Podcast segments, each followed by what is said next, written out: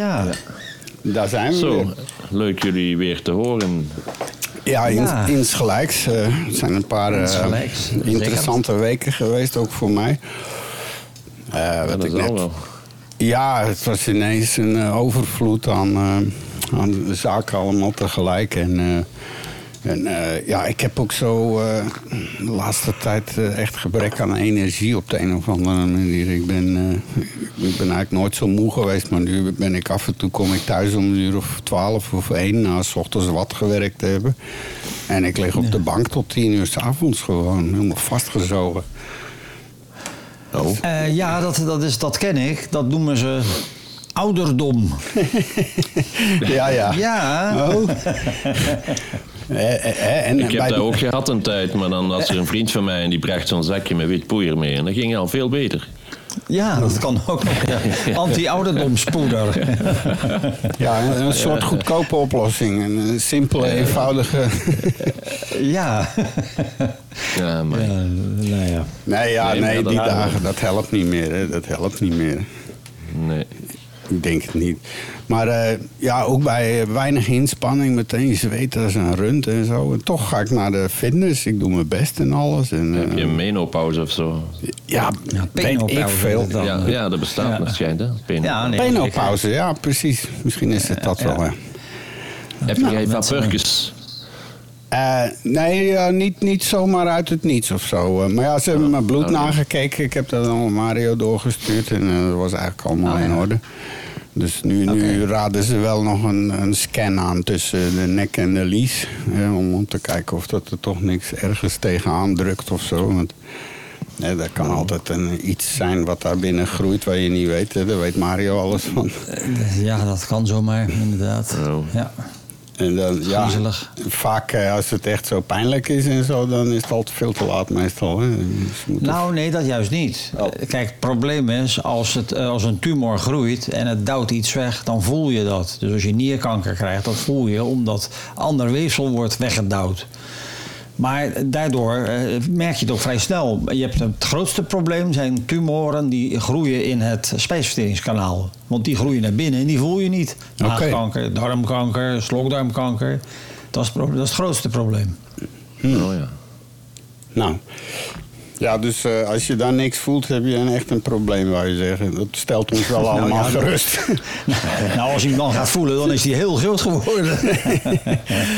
Alright. nou, en op deze vrolijke noot zou ik zeggen, eh, we gaan eh, starten. Eh, ik, ja, ik bedank luisteraars dat je er weer bij bent. We zijn even een paar weken ontregeld geweest. Dat heeft te maken met allerlei dingen. Samenstellende agenda's en werkuren. En we zijn allemaal zo druk in de weer.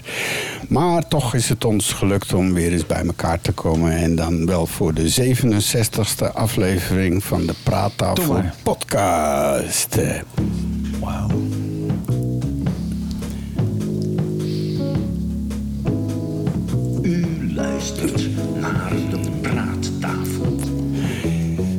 Absoluut. En ik ben Istvan Lelossi, eh, gelokaliseerd in Bergen, deeltje van de stad Antwerpen. En eh, vanuit mijn studio zeg ik een heel hartelijke welkom. En eh, schuif maar aan, want het wordt weer een leuke.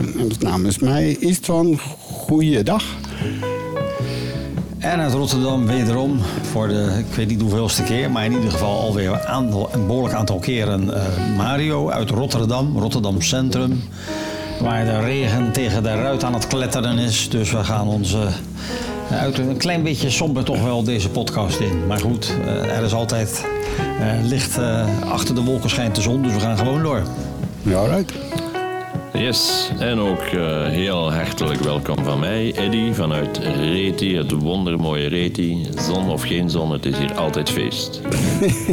En daar zorg jij zelf wel voor. Heb je ook allemaal Yes, gekleurde lichtjes ook in huis en zo? De Dat heb ik allemaal. En- Yep, yep, yep. Neon, al wat je wilt. Alright, nou dan eh, komen we de honderdste bij jou live doen eh, in een hele feestsfeer. Eh, Yes. Even een kort overzichtje van, eh, van wat we allemaal op tafel hebben. Dadelijk eerst waar we het vooral niet over gaan hebben. En dan een aantal dingen waar we het wel over gaan hebben. Er is nog eens een haiku gestuurd door Philippe met warme groeten. Maar eh, hij is nog steeds niet echt in staat om mee te doen. Eh, ja, in Pek en Veren hebben we ook een, eh, iets interessants. Twee dingen zie ik zelfs. We maken een klein rondje rampen. Deze week hebben we geen bijdrage. We houden het een beetje kort en eh, to the point. Hè? Want ja, dat schijnt ook wel populair te zijn om dat eens te doen. Dus ik zou maar willen beginnen met ja, aan ons illuster panel te vragen... of dat er iets is waar ze het niet over willen hebben vandaag. Ja, laten we het niet hebben over de kabinetsformatie in Nederland. My god, Mario, wat is dat? En oh, het is nog niet eens de formatie. Hè? Ze zijn nog niet eens aan het formeren. Ze zijn alleen maar aan Nou, het... nee, dat is, nou, ze zijn er al redelijk uit. Het ziet er naar uit dat, ja, je gelooft het niet. Ze gaan, ze, we krijgen een doorstart, start, zeg maar, van het oude kabinet met dezelfde partijen. nou ja,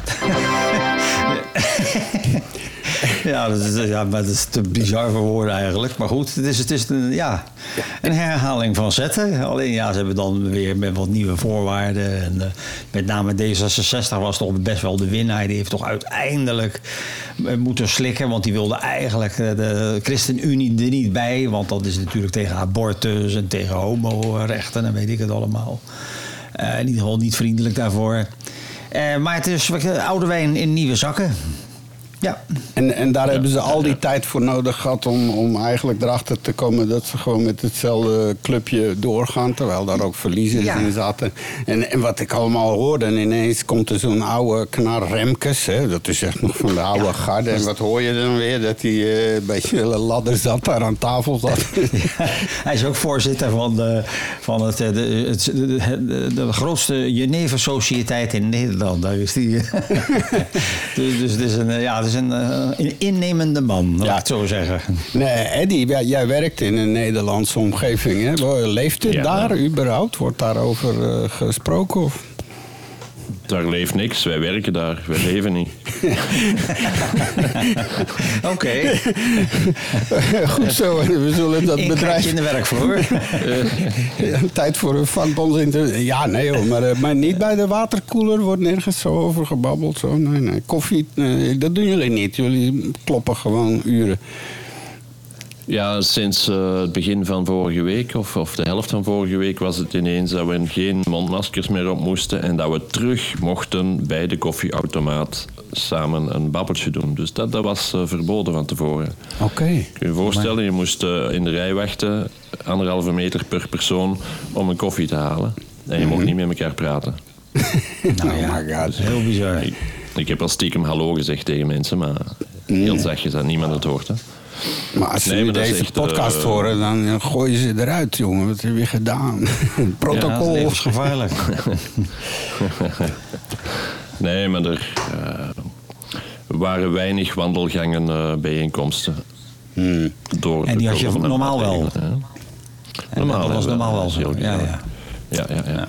Alright. Dus vandaar dat Ja. het niet leeft. En dat moet misschien weer helemaal op gang komen. Ja, en dat heeft dan ook te maken met mijn eh, gewoonte om juist op het nippertje op tijd op mijn werk aan te komen. Geen tijd om iets te zeggen en direct aan het werk. Ja. ja. Ja, en ik heb Nou ja. ook mijn buik vol van eh, wielrennen. Want dat was nu EK, WK en eh, dingen. En elke keer als je dan Oh, naar ja, de sport, Nederlandse ja. tv aanzette... dan zag je van, ja, maar Van der Poel en dit... die zijn grote kanshebbers. En Marianne Vos en de Olympics. Verliezen hartstikke elke race. Hier Wout van Aert, de grote topfavoriet. En uh, heel het journaal allemaal topfavoriet. Ja, oh, ja. En dan eh, verliest hij gewoon. Ja, ik had de benen niet vandaag en zo. Hetzelfde gelul. Dus eh, allemaal Ja, uren. hysterisch optimisme. ja. Dus, eh, en eh, iets wat eh, jou eh, dwars zit, Eddie? Het is stil. Ah, ik zie ook dat hij weg is. Dus, eh, nou ja, dus dan, eventjes... eh, daar is even een uitstapje doen. Dus ja, inderdaad. Maar ja, die, maar die, die, die, die, regeringstoestand daar. En oh, er was ook nog weer iemand ontslagen. Een Mona. En, eh, ja. ja, er zijn er al elf weg hè, uit het eh, vorige kabinet. Ja, ja. Elf, elf, elf mensen, leden van het kabinet. Ja. Van voornamelijk de VVD. Dat, dat, is, dat is eigenlijk ongehoord. Ja, eigenlijk. zeker. Dus dat geeft al een beetje aan dat, dat men echt dringend toe is is aan vernieuwing. Dus laten we hopen dat dat dan wel gaat gebeuren. Ja, ja. Dat er gewoon eh, weer nieuwe gezichten komen. Nee, ik vroeg net nog aan Eddie eh, of dat er hem iets was eh, waar hij het absoluut niet over wil hebben. Wat hem de keel uitkomt of weet ik veel. Ja, politiek. Ja. Dat cuts it short. Hè. Dat is, is, helemaal duidelijk. Ja, jij kijkt Ja, niet ja. eh, naar Villa Politica en zo. eh. Nee, nee, ik vermijd het als de pest. Alright. Ja. Ah, oh wel, eh, ik heb wel één heel interessant dingetje waar ik het spits mee wil afbijten. Want ja, hier in België, eh, nu dat het niet meer hoeft, maar hier hadden we het altijd over mondmaskers. Hè. Er is een mondmaskerplicht, mondmasker zo. En in Nederland daarentegen was het een mondkapje, hè? Mario, dat klopt, hè? Ja, mondkapjes. Het mondkapje. Ja, dat klopt precies. helemaal.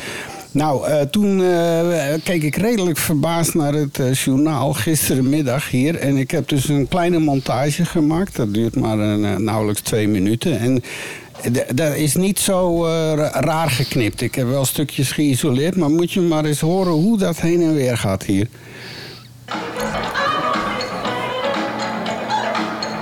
Maar het mondmasker verdwijnt niet helemaal. Zo is het nog steeds verplicht om een mondkapje te dragen Ping. op het openbaar vervoer. Feit is, vanaf vandaag mag u uw mondmasker aan de haak hangen. In Vlaanderen bent u op de meeste plaatsen niet langer verplicht het mondkapje te dragen, ook niet in winkels.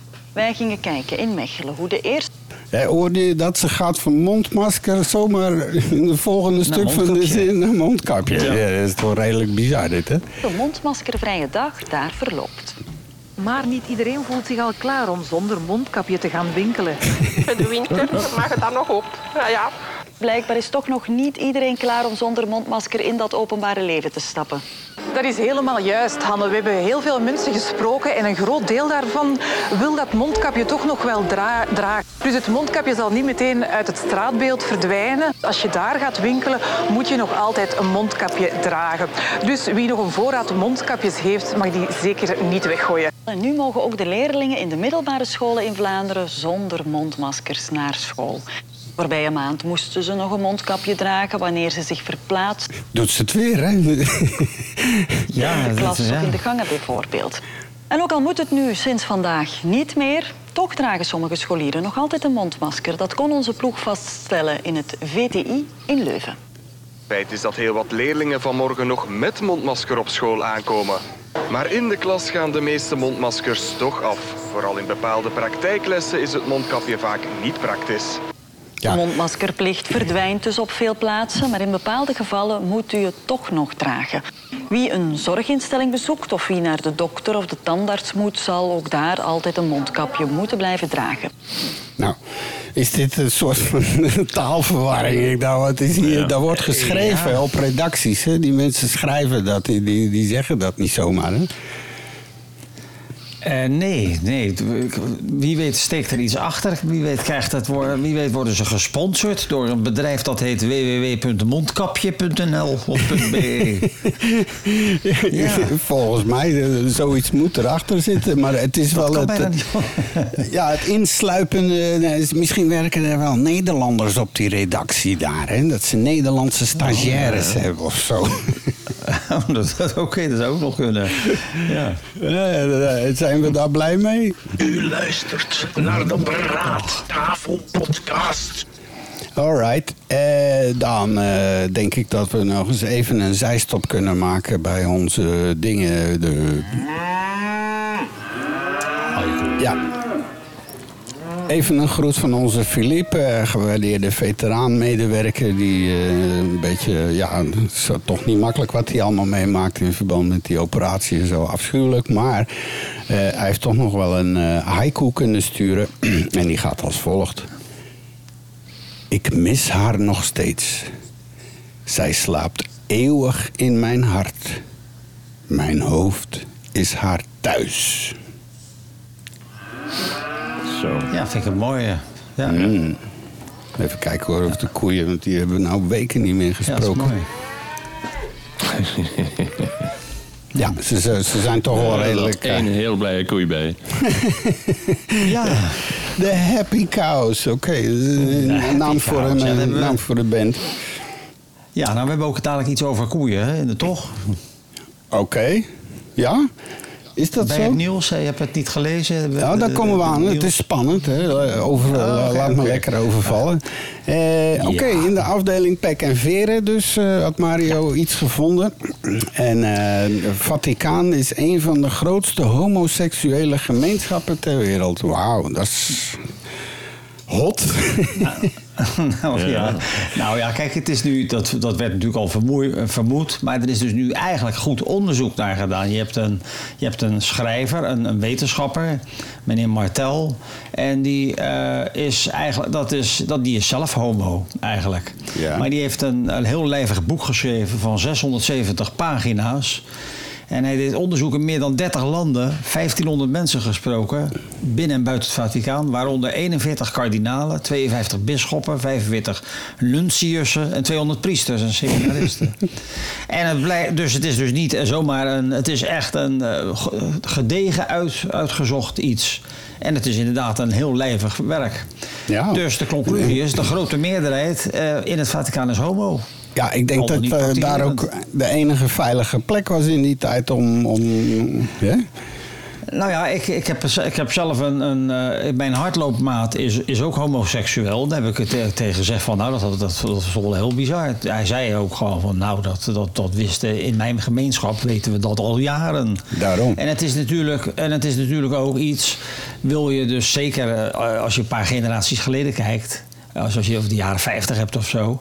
Als je homo was, ja, dan eh, had je een probleem. En de enige manier om dan zeg maar toch nog waardering in de maatschappij te krijgen is eh, het priesterschap. Schap. Begrijp Ja, je? a- absoluut. Eh, dus dat is, het is dus een soort vrijhaven geworden. En het rare is dat, dat ze zelf zeg maar behoorlijk eh, eh, anti-homo zijn in, in woorden, maar niet in daden. Dus eh, voor, tegen condooms, want dat staat voor seks met een partner die niet, niet vast is. Je moet laten, zien, moet laten zien dat je celibatair bent dan anderen. Maar ja, hou ze in de gaten. Ja, dus eh, dat, dat is het, eh, ja, ik vind, vind het een verrassende. het, ik, ik vind het bijzonder om te lezen, dit. Nou ja, en, maar de titel vind ik ook wel heel sprekend. Hoor. Als je die al in je boekenrek zet, zo met dik achterop. Want ik zie hier dat het boek Ja. Sodoma... ja, zo dom, hè? het is een socioloog, hè, voor Frederik Martel. Ja. Heel bizar. Nou ja, kijk, dus je ziet, eh, ze- doen alsof ze radicaal homofoob zijn, eh, maar in werkelijkheid zijn het homo's. Ja, ja, ja. Dus eigenlijk moeten die lui ook gewoon, eh, zeg maar in dit geval, uit de biechtstoel komen. Vinden jullie ook niet? ja, Ja, op zijn minst. Uit, die- Dus, uit die ja. eh, biechtkast, ja. Uit de kast. Ja, de. De bier- Ja, ja. ja. Maar ja, we hebben dus wel in Nederland ook zo'n priester gehad die daar ineens wel voor uitkwam. En die, die zei ook dat hij in alle, die zei in alle eerlijkheid dat hij ook dark rooms bezocht en zo. Oh ja, daar heb ik ooit eens Eh, van gehoord. Maar ja, die, is nu, dus eh, is en dan- die is nu zachtjes wordt die geroosterd in de donjons Uiteraard. onder het Vaticaan. Is die opgesloten in Ja. kettingen zonder daglicht en zo. Verder gaat het goed met hem. Waar die dus vermoedelijk ook iedere dag genomen wordt door een hele rij nunciërs en, en eh, wie zal het zeggen. Ja, oké, Maar inderdaad, oké, oké. Maar inderdaad, het is dus een, een eh, ja, het is heel, heel bizar eigenlijk. Dus, dus dat eh, geeft weer een nieuwe kijk op de samenleving. En dan met name de Rooms-Katholieke samenleving. Mhm. Nou ja, inderdaad wat je zegt vanuit de gemeenschap zelf zeggen ze, ja, we wisten dat, maar nu, nu is het dan uiteindelijk gewoon in, eh, op hard papier gezet en onomstotelijk vastgesteld, zeg maar. Ja, en het grote publiek neemt er nu kennis van, laat ik het zo zeggen. Ja, Alright. heel goed. Hey, dan stappen we naar een eh, rondje rampen. En eh, jij hebt er weer een gevonden. Eh, daar weet ik ook nog wel van. Ik weet niet of jij dat boek nog kent. Waren de Goden Cosmonauten van, Oh, van Erich Erich van. Däniken. Ja, dat zit allemaal in onze generatie zit dat, ingeprent. En daar was al een hele. De, de- want wat, waar ging het om, Mario? Het was een, een enorme explosie in 1904 of zo was dat. eh. Eh, Ja, je hebt, eh, je hebt Tunguska, dat is eigenlijk een, een gebied in Siberië. En wat gebeurde daar? Dat is eigenlijk de grootste klap aller tijden geweest. Nou, is niet helemaal waar, maar in de geschiedenis van de mensheid moet ik zeggen. Eh, is daar een enorme explosie heeft daar plaatsgevonden. Men dacht eigenlijk eh, dat er net zoals de, zoals de dinosauriërs 66 miljoen jaar geleden van de aarde zijn verdwenen door een inslag van een meteoriet. Dacht men dat dit dus ook weer zoiets was. Alleen het was dan veel kleiner. Eh, want die, die, die, die steen die zeg maar de dinosauriërs om zeep hielp, die was 12 kilometer in doorsnede.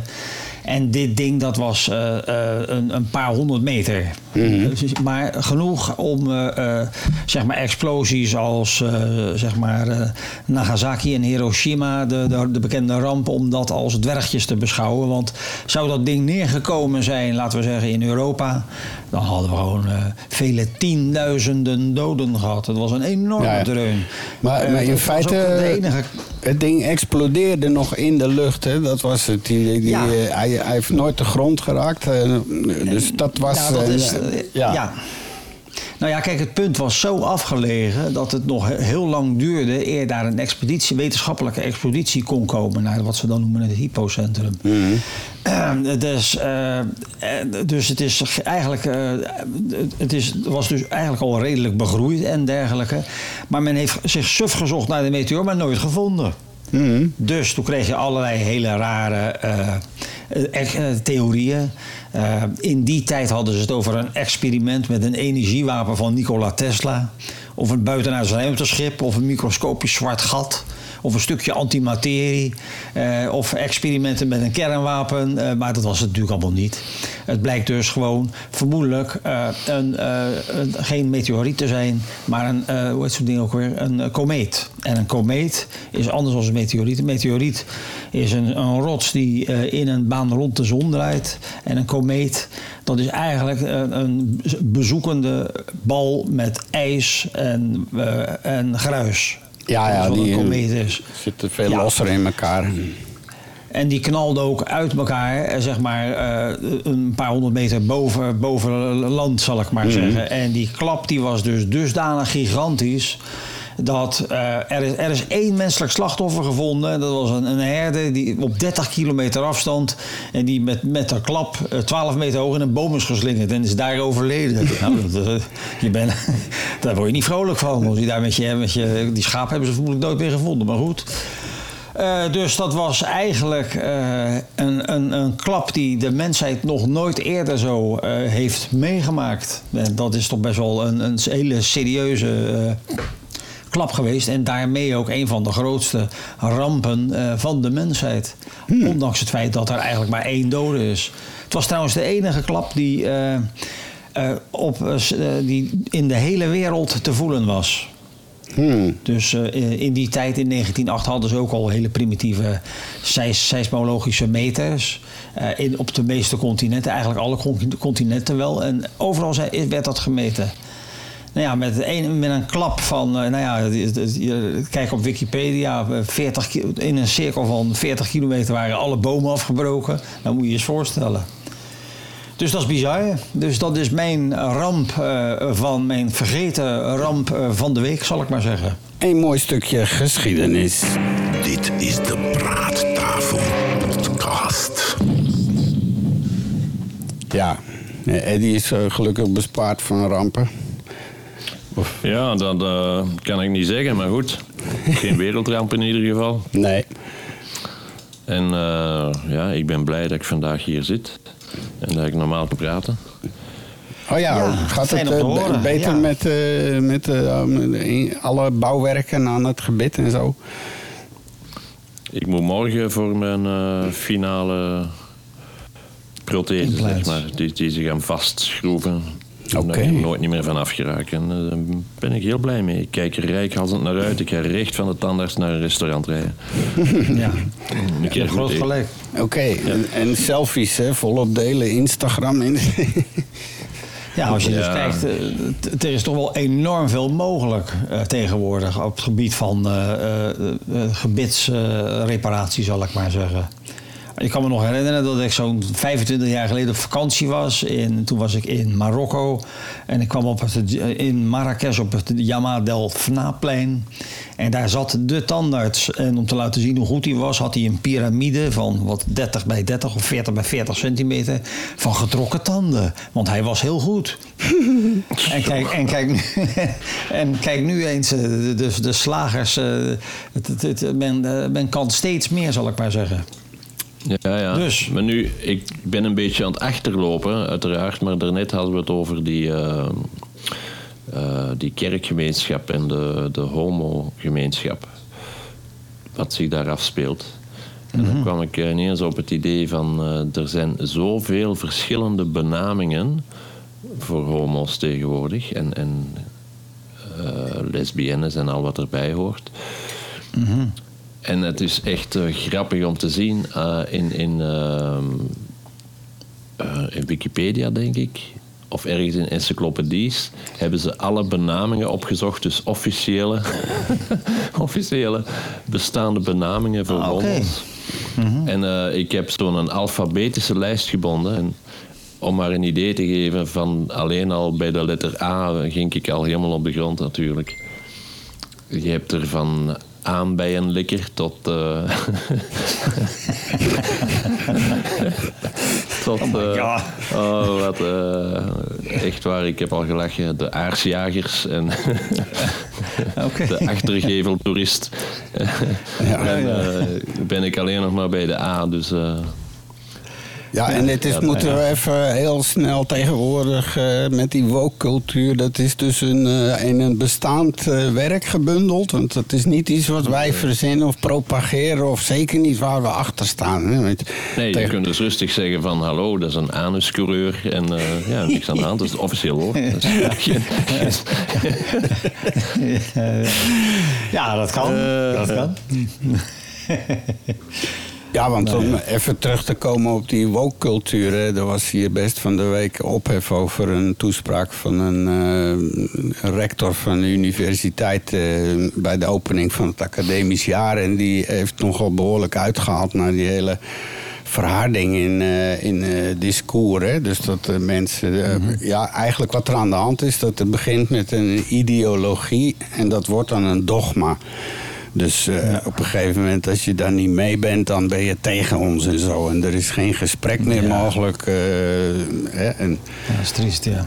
ja, en die cancel culture is hier volop aan de gang. Hè. Er is die kunstenaar Jan Fabre tegen wie klachten zijn gemaakt en zo. En nu hebben ze bij de single, heeft de nieuwe directie een beeld van hem. Stond boven op dak, de Wolkenmeter. Een heel bekend eh, werk van hem. Ja, dat is dus eh, stilletjes weggehaald, hè.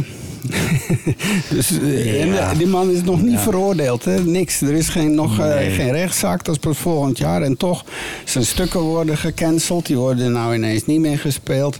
En die, die beelden die hij gemaakt heeft. Dus dit is gewoon al een, een, een fout mens nu. Klaring. Nou ja, en, en de, de invloed van sociale media daarin, denk ik. Want daar slaat het op hol. Je kan het al zien in derde wereldlanden als India, waar, waar mensen uit hun dorp verbrand worden omdat eh, iemand op Facebook heeft gezegd dat het een pedo is. Ja, ja, ja. Het, het slaat op hol, dat, dat, dat is wat ik ermee wil zeggen. Mensen die eh, informeren zich meer en meer alleen maar via sociale mediakanalen. Ja, en dan, eh, dan krijg je meningen die, die niet gefundeerd zijn, niet onderbouwd zijn. eh. en, en ja, de- als mensen daar helemaal in meegaan, krijg je dit soort tafereelen. Absoluut. En, eh, en nu gaat het natuurlijk om mensen die onder hem gewerkt hebben, dansers en zo, die ineens met klachten kwamen. Dat hij een man, maar ja, de man eh, stond erom bekend dat eh, ja, het was geen fijn mens. Ik bedoel, het was een behoorlijke eikel. En dan nu. Wordt er gezegd dat hij dingen heeft gedaan die te ver eh, gingen. Maar ja, dat moet toch eerst bewezen worden. Maar eh, dat is niet. Maar toch ja, ben je veroordeeld, gewoon klaar. Iedereen krijgt tegenwoordig het nadeel van de twijfel. Het nadeel aan de twijfel, ja. Ja. Inderdaad. Dat is een hele goeie, Mario. Daar zetten we even een fanfare op. Hey, eh, ja, eh, even kijken. Die explosie hebben we gehad. En eh, nu dan dus de, het, eh, we waren gestoken in het rondje rampen. Ik, ik had wel één interessante page gevonden. We doen normaal zo'n hele rundown van de hele wereld. Maar die, die wordt dan steeds langer en langer natuurlijk. Want eh, je houdt het niet meer bij. Maar er was een interessante pagina op, eh, op CNN, waar alleen al wa- wat hun is overkomen dit jaar. Zes enorme, zeven devastating climate disasters van de zomer van 21. Het begon met eh, orkaan Henry. Die dus met name in New York en in New Jersey flink huis hield. eh, waar ineens gewoon een paar meter water stond. Dan eh, had je een, een flash eh, flood, net zoiets als hier onlangs in België en Duitsland. En aan de Maas is geweest, zo'n zo'n fl- flitsvloed. Hoe moet ik dat noemen in het Ah. Nederlands? Eh, in Tennessee, dus ook meer eh, hoop rampen. En dan hebben ze daar officieel een watertekort afgekondigd in Arizona. Want ja, die stuwdammen daarachter staat gewoon geen water meer. Die zijn gewoon nu muren met, met niks erachter. En dan eh, heb je nog een serie, de Bootleg, Dixie en Caldor branden. Wat gewoon eigenlijk het hele, ja, even kijken hoor, eh, 100, dat zijn eigenlijk bij elkaar eh, meer dan een honderd grote branden geweest enzovoort. En het gaat hier om miljoenen hectare die afgebrand zijn. Nou, nog eentje, de Pacific Northwest Heatwave. Eh, dus op een gegeven moment was het ook weer eh, ongelooflijk. Er waren dorpen die on- on- ongeziene temperaturen bereikten en zo de ene keer. Blijven nog even nog een orkaantje Ida.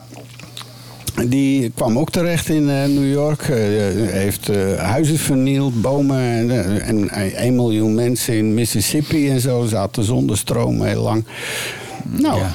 En dan eh, nummer 1, de West Historic Drought. Dus het westen van Amerika is nu een, eh, een officieel een soort woestijn aan het worden. Er, het regent niks meer. En die boeren, die, hebben, die rivieren die er zijn, die zijn al lang helemaal leeg gepompt. Ja. Dus eh, Ja, dat is helemaal triest. Ja, er is serieus wat aan de hand. Dat, dat ziet er toch steeds meer uit. Ik heb al eerder, eerder gezegd, het, is, het probleem is de verdamping. Eh, dat neemt enorme vorm aan. Dat betekent, verdamping betekent, droge gebieden worden droger en natte gebieden worden natter. Dat is wat je nu ziet. En daarmee die eh, de bijkomende orkanen, en dat is allemaal heeft te maken met warmte en vochtigheid. Dus ja, triest. Zeker weten. Ehm, ik denk dat we nog verder gaan naar een blokje nieuws. Eh, allereerst moet ik even wel een klein dingetje. Even wat promo maken. Eh, ik heb gezien dat er veel expats luisteren. We horen graag van jullie, ook lokaal nieuws. Als er iets gebeurt waar, waar wij hier normaal nooit iets van zouden horen, eh, stuur het maar eens door. Ik wij zijn hartstikke benieuwd. En misschien zitten daar dingen wij, waarover wij hier gezellig door kunnen babbelen. Eh, je kan ons vinden op Facebook, de Praattafel. Eh, je kan reageren op info.praattafel.be of whatsappen of whatever. Dus zie ons dat je maar vindt. En als je ons heel leuk vindt, mag je ons ook wat sterren geven op je favoriete app enzovoort. Op je podcast-app. Maar nogmaals, hartstikke bedankt voor het luisteren. En eh, we gaan vrolijk door met een eh, blokje nieuws. En Mario had inderdaad iets gevonden met koeien. Ja, dat, is, dat gaat heel ver. Ik, weet, ik denk niet dat het in de praktijk wat gaat betekenen. Maar het zou wel leuk zijn. Het probleem is inderdaad, eh, we hebben allemaal gehoord van de stikstofcrisis. En dat met name de veeteelt daar toch wel voor het grootste gedeelte verantwoordelijk voor is. Met name dan de koeien. Want, eh, de- want het probleem is de mest en de urine. Ja. Als mest en urine bij elkaar komen dan eh, krijg je dus de problemen die we hebben. Dan, dan krijg je stikstofverbindingen en dan ontstaat dat. Zou je de urine en de mest echt kunnen scheiden, dan ben je al een heel stuk verder. Want dan kan je gewoon echt, eh, dan kan je veel eh, milieuvriendelijke koeien houden. Nou, wat hebben een aantal wetenschappers gedaan? Die hebben een potjestraining ontwikkeld voor koeien.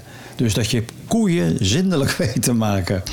Eh, het, is, het is vrij bizar. Ik, ik, het is nog maar de vraag of dat in de praktijk... of je een boer zo gek kan vinden dat hij zijn koeien zindelijk gaat maken. Dat je het als ze potjestraining krijgen. Maar, maar dat hebben ze dus gedaan. Eh, het, het is, het is ook een heel leuk idee. Eh, kijk, ze hebben het wel eerder geprobeerd en dat was niet zo succesvol. Maar nu hebben ze er toch wel redelijk snel in kunnen, kunnen slagen. Er is een groep eh, van de University of Auckland eh, in Nieuw-Zeeland die binnen een paar weken eh 11 van de 16 kalveren zindelijk wisten te krijgen. nou, hoe doen ze dat dan? Dus eh, zodra de, dus de, een stal werd aangewezen als toiletruimte, vervolgens werden de kalveren in deze ruimte geplaatst en wachten ze totdat ze gingen pissen. Nou, hadden ze een plasje gedaan, kregen ze iets lekkers. Dat is zo, zo, dat zo mensen doen dat ook zo. Ja.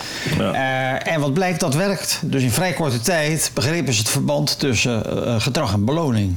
Maar daar waren ze nog steeds niet zindelijk mee. Dus wat gingen ze? Want ze moeten dan toch eigenlijk zelfstandig naar dat toilet gaan. En daar pissen. Nou, dat kan je dus ook leren.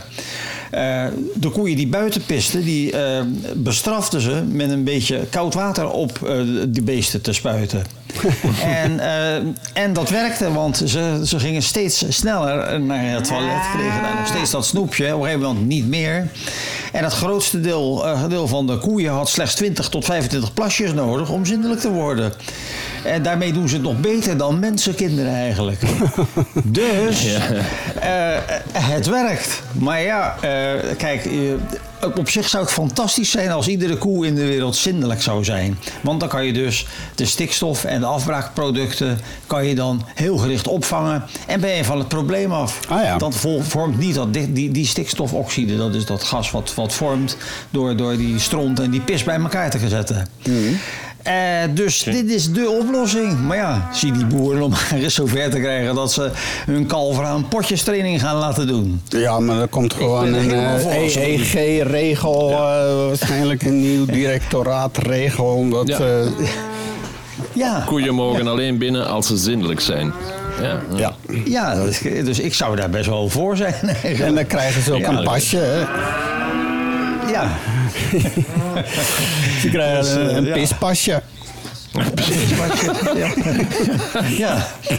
Dat, inderdaad. Luistert naar de Praattafel Podcast. Eh, dankjewel Sergio om het nog eens te vermelden. Eh, ja, en dan eh, hebben we ook nog te maken met een levende doodkist. Eh, ja, Er, er is een hele omslag in eh, gang met eh, begraven worden en, en doodgaan en om, met lijken. En vooral in Nederland gaat dat veel verder. Want in België begint dat eigenlijk nu een beetje met die alternatief. Hier is 9 van de 10 eh, ja, gewoon een crematie en dan uitstrooien, hè, typisch. Ja. Maar in Nederland gaat dat en- veel verder, hè? Ja, je kan eigenlijk eh, de meest bizarre dingen tegen. Je kan worden begraven in, in, een, eh, in een rieten mand. Met het idee van, nou dan, eh, dan, dan gaat alles op in, zeg maar in, de, in de natuur. Je hebt, ook, je hebt ook inderdaad doodskisten die heel erg milieuvriendelijk zijn. Je kan zelfs je as. Eh, je as deels in een raket laten douwen en eh, in de dampkring laten schieten. Dat is, eh, dat, is, dat is een mooie gedachte. Dat hebben ze bij André Hazes gedaan. Vond ik fantastisch. Als het aan mij had gelegen, hadden ze dat veel eerder moeten doen. Maar goed. Eh, Toen hij nog leefde. ja. maar inderdaad, er er zijn, er zijn dus ontzettend veel mogelijkheden eh, om eruit te stappen. Wat, wat, ik, wat mij ook aanspreekt is, je hebt dus nu ook, eh, de, hoe noemen ze dat ook weer, eh resomeren. Dat lijkt me zelf ook iets. Wat houdt dat in? Als je de pijp uit bent, dan wordt je lijk in een soort tank met water gegooid, warm water. En daar lossen ze natriumhydroxide in op.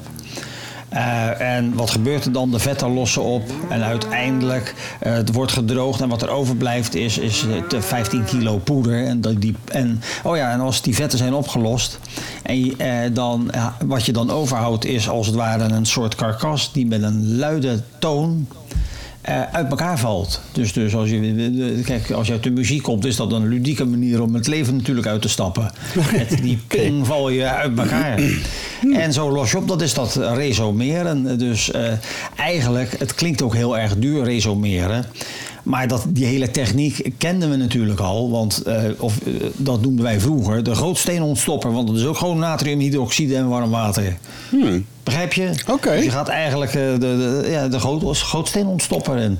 Nou, dat is nu de nieuwe hype in, in, in, eh, in Nederland eigenlijk. Ja, run op die winkels eh, op grootsteenontstopper. Ja, natriumhydroxide of kaliumhydroxide. Dat is eigenlijk bijna hetzelfde.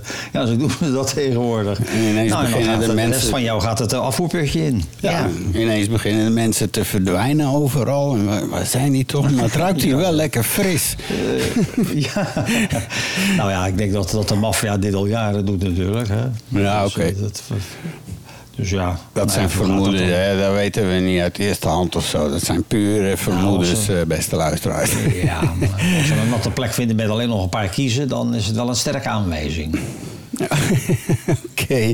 Ja, en dan had je ook nog iets gevonden over de mammoet eh, die terugkomt. Hè? Of dat we daar nou blij mee moeten zijn. Maar eh, ze hebben nu zoveel materiaal gevonden van mammoeten daar in Siberië en zo. En ook zacht weefsel en nog zelfs eh, liquid. Dus er is nu genoeg. En ze gaan nu beginnen aan een heel programma om dus de- dat beest weer terug te klonen en terug te laten ontstaan. En, dus, maar ja, Nou, voor een heel eenzame mammoet dan ben ik bang.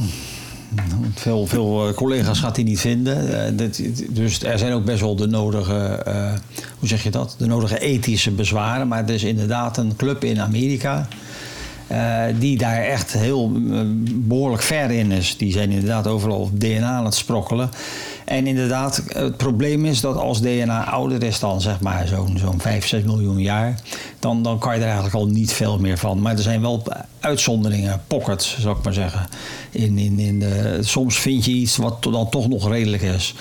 En zeker de dieren uit het Pleistoceen, dat is natuurlijk niet zo lang geleden. Dan, dan praat je over zo 20 tot 50.000 jaar geleden. De- de- dat kan dus wel. En dan praat je over mammoeten, de grote hyena, de holenbeer, de, De oeros. Dan krijg je de, de oeros, het reuzenhert, de, noem ze maar op. Dus, dus die dieren die zullen nog wel goed terug te klonen zijn. Gaan we dat nog zeker- meemaken, denk je, Mario? Nou, dat we ooit eens Nou, naar een soort wel. Jurassic Park dierentuin gaan, maar dan met allemaal... Nou ja. Ja, nee, zeker. Nou, een pleistopark wordt het dan. Hè. Eh, eh, dus, maar dat, dat kan. Eh, en je hebt dus ook, nou denk maar aan, eh, kan je hem nog herinneren, de Tasmaanse tijger?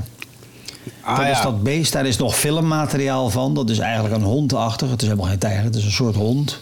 Het Eh, die is zwart en die heeft strepen. eh, Die heeft, nou, dit is weer iets anders hoor trouwens, de Tasmaanse duivel. Maar die heeft dus strepen op zijn kont zitten. Zoals, dat zie je ook wel bij een, eh, hoe heet het, een okapi. heeft ook van die strepen aan de achterkant. Mhm. Maar het is een soort hond waar nog, waar nog beeld van is. Ja, ja. En, en bijvoorbeeld de dodo op Mauritius, die, die loopvogel, tenminste het is een, eigenlijk een duif... Eh, die was een meter hoog, die is, die is in 1685 uitgestorven, als ik het goed heb. Maar ja, daar, daar zijn natuurlijk ook nog, er is ook nog zat van. eh, dat, dat, die zou je ook nog wel terug kunnen klonen als ze genoeg botten weten te vinden en dergelijke. Dus wie weet gaan we dat meemaken. Dat lijkt Ja. me wel heel interessant. Maar inderdaad, er zijn toch wel de nodige ethische bezwaren. Want, want ja, Ja. eh, eh, ja, zo'n mammoet, kijk, het- dat gaat wel lukken. Je kan eh, een gewone olifant als draagmoeder gebruiken. Eh, dus dat, dat, dat, dat, zal, dat is dan nog de makkelijkste van het stelletje, zal ik maar zeggen. Maar eh, ja, wat, wat voor leven heeft zo'n beest? Hmm. Dus ja. Ja, bekeken worden. en op Instagram, Ja. heel populair op Instagram.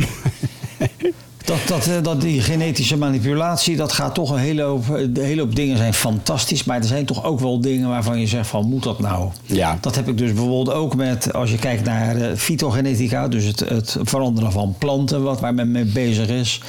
Men, de grote hoop is natuurlijk is dat je een plant gaat vinden die, die de hele wereld kan voeden. Maar eh, als je ziet waar nu geld in gedouwd wordt. Binnenkort krijgen we weer een nieuw fytogenetisch gemodificeerd product op de markt. Believe it or not. Ze hebben sla weten te, te, te kweken, ge- genetisch gemodificeerd. Waarbij de bladeren zo rond en mooi zijn dat ze precies op een hamburger passen. Ja, ik heb dat gehoord eh, op de radio, m- nieuwsshow zaterdagochtend. En, maar eh, dat is Ja. weliswaar niet door genetische, want die mevrouw vertelde dat zij dat nog steeds op de klassieke manier doen met Ja, maar dat is- kruisingen. en, maar dat- Want ze Ja, maar dat is ook genetisch eerste- aanpassen. Alleen je doet het niet met CRISPR-Cas9, maar je doet het met veredeling. Ja, maar, precies. En het kost nog steeds miljoenen. En waarom, waarom douwen we daar dan geld in? Waarom douwen we dan niet geld in onderzoek waarbij je bijvoorbeeld... eh, Nou, een goed voorbeeld is het uitsterven van de banaan. Dat gaat nog... Dat, dat, eh, er is een schimmelinfectie. Wat En, zeg je eh, nou? de banaan, de banaan die is het meest gegeten fruit van de hele wereld. En die wordt ernstig bedreigd door een schimmelinfectie. Als je kijkt naar de grote bananenproducenten in de wereld, dan is al bijna driekwart daar, eh, die, eh, daarmee, die hebben daarmee te doen. En er is, er is nog geen enkel kruid tegen gewassen. Dus men is in Nederland druk bezig met eh, het proberen voor elkaar te krijgen dat er een bananenras is die, die resistent is tegen, tegen die bacterie. Want ik dacht, nee, het was een schimmel tegen die schimmel. Eh, en maar lukt dat niet, dan, dan gaat ook de banaan uitsterven. Ja, nou, dat wordt dan eh, inslaan van bananensmaak, eh, weet ik veel wat allemaal. Of misschien ja, gaan ze een en- hele nieuwe banaan creëren. Nou, daar zijn ze nu weer druk mee bezig. En, bijvoorbeeld ook het uitsterven van... het, het- ook de bijen hebben het heel slecht nu. En vallen de bijen weg door ons gedrag... Ja, dan, Dan gaan we er allemaal aan. heel veel wat we niet meer kunnen eten. Nee, ze zeggen wel eens eh, zonder bijen geen mensen, geen niks. Alles houdt op. Ja. Mm. Nou ja, ben je erbij of niet? Ja. Oh, hey, ik hoor jou lachen, Eddie. Dat betekent dat we toe zijn aan een mop. De mop. Ja, een mop. Ik had geen mop voorbereid, maar ik vond het zo grappig om te lezen dat er eh, naar aanleiding van de vele branden die er in eh, Spanje zijn of waren, eh, waar dat er hele stukken land en bossen eh, zijn afgebrand, eh, dat ze daar een, een, een bepaalde remedie voor hebben, namelijk het inzetten van schapen en geiten als een soort van vrijwillige brandweer. Oh, Dat gebeurt al een aantal jaren en dat kreeg ook navolging in andere delen van Spanje en Portugal. Wat gebeurt er dus? Ze zetten die dieren in het bos. En die dieren, die geiten, die eten dus de bossen kaal. En die kunnen Ah, ja. zo de branden voorkomen. Ah, oké. Dus eh, Ze het vreten het dat- struweel weg. Ja. ze vreten een, een, een heel stuk weg, waardoor dat er eigenlijk een barrière, eh onbrandbaar stuk ontstaat, waardoor dat die branden op, op dat, dat moment niet verder kunnen uitbreken. Hè, dus Ja, de ze kunnen niet ja. voorkomen dat er branden uitbreken, maar ze kunnen wel helpen dat de branden razendsnel om, om zich heen grijpen. ja, ja. Dus doordat ze dat terrein leeg eten, kan het vuur niet verder groeien. En dan ontstaan er soort van brandgangen, lege terreinen, waardoor een bosbrand gestopt kan worden. Dat is een heel mooi initiatief. Ja. En aangezien ik geen mop had, dacht ik eh, gewoon te zeggen... dat is heel goed voor de brandveiligheid. Oké. Ja, oké. nou ja, het is- ze worden een beetje langzaam wakker daar achterin. Hey, eh, ja, ja, maar eh, dan, dan, eh, en, en, als het dan zo eens misloopt dat ze die beesten iets te laat sturen als het al brandt, dan heb je natuurlijk wel achteraf ook nog kans op een enorme barbecue. Hè? Dus, ja. Geitensaté is heerlijk. ja, en dan kan het hele dorp komen eten en zo. er liggen meters vlees hier klaar. Nou, Nee, wel dan zo zeggen ze gewoon eat and run. Eat and run. Oké, ja. Oké. Eerst pipi doen, want anders je niet meedoen. Maar als je pipi hebt gedaan, eat and run. Eat and run. Ja. Nou ja, het afbranden van die bossen is natuurlijk inderdaad echt een probleem. Dus het is wel verstandig dat ze er zoveel mogelijk aan proberen te doen. Ja, de ja, grootste branden ontstaan nog vanwege eh, illegale activiteiten in, eh, in jungle. Eh, en dat is moeilijk uit te bannen. Over het algemeen werkt dat zo. Eh, als je, dat heb ik in Thailand gezien en in Laos. Eh, mensen die. eh, je hebt illegale houthak. Wat doen ze dan? Ze gaan een heel eind het bos in waar niemand komt. En kijken of ergens een wilde tiekboom staat. Dan st- steken ze de boel om, eromheen in de brand. eh, Zodat die hele kruidlaag verdwijnt. En die boom die kan daar gewoon tegen. Dat zijn hele grote bomen. Nou is het uitgedoofd. Dan hak je huurt een olifant en je trekt hem het bos uit. En je hebt weer centjes. Maar dat gaat heel vaak fout. Dus dan, eh, het vuur valt dan niet te stoppen. En zitten we midden in het gezeik, zal ik maar zeggen. D- Dus wil je daar vanaf, dan moet je eigenlijk eh, eh, nog veel verder gaan. Dan moet je ook de bevolking eh, gaan opvoeden. En, eh, ja, het is, dus, het is En betalen. Ik bedoel, mensen hebben geen geld, dus geen eten. Dus ja, Nee. daar, daar komt het van. Ja. Hè? Want- Ja, ja wanhopige mensen vaak natuurlijk. Goh, dit was wel een Triest vrolijke praattafel, alles bij elkaar. Ja, hè? bedoel- leuk hè, allemaal. nou, hey, laten we even een wrap-up. We houden het een beetje korter vandaag. Maar we gaan nog eens één keer even terug eh, naar onze taaljuf. En ik zou allebei zeggen, Oh ja. eh, oefen je mond even. We gaan het vandaag met name hebben over de... Oh, wacht even. Wacht even hoor, daar komt ze. De b en de p. De b en de p zijn plofklanken. Plof. Plof. Je hebt je lippen eerst losjes op elkaar. En dan laat je ze los met een plof. Het verschil is de stem. Leg je vingers op je keel. Zeg ah. Ah. Voel je het trillen op Ja. je keel? Ah. Dat is je stem. Oké, wauw. Of Oké, wauw. voel je trillen? Ja, Dat is je stem. oké. We hebben allemaal een stem. De Nee, is iets anders. met stem. De p is zonder stem. Oh? B. B. B. Ja, oké. Dus voor een eh, P heb je geen stem nodig. Oh, dat is heel handig. Als je, als je dat niet kan, dan kan je in ieder geval een P maken. Ja. Een B, ja. En dan eh, met een B, eh, het enige verschil, een B is een P met stem. Nou, jongens, Ja. ik, ik denk dat we de Nou, rest ja. van het weekend dit gaan goed oefenen. En dan, eh, ja, bij de ja. volgende praattafel doen we een eh, proeven van eh, de kundigheid. Ja, en heel in de verte hoor ik zo'n afscheidspiano ergens. Eh, Dacht, hoor jij dat niet, Eddie? Hm, niet? Ja, ik hoor het aankomen. Ah ja, kijk. Ik, het was verbeelding, maar, maar niet echt. Het is, het is er echt. Ehm, ja, lieve mensen, na een kleine onderbreking. eh, we- proberen te vermijden vanaf nu. Hè, want eh, wij zijn ook trouw aan onze eigen principes. eh. in elk geval bedankt dat je er weer bij geweest bent en hebt meegeluisterd. Eh, het was dit keer een misschien wat serieuzere versie. Maar eh, ja, dat mag toch ook wel eens, hè? waarom niet? Mag ook wel, tuurlijk.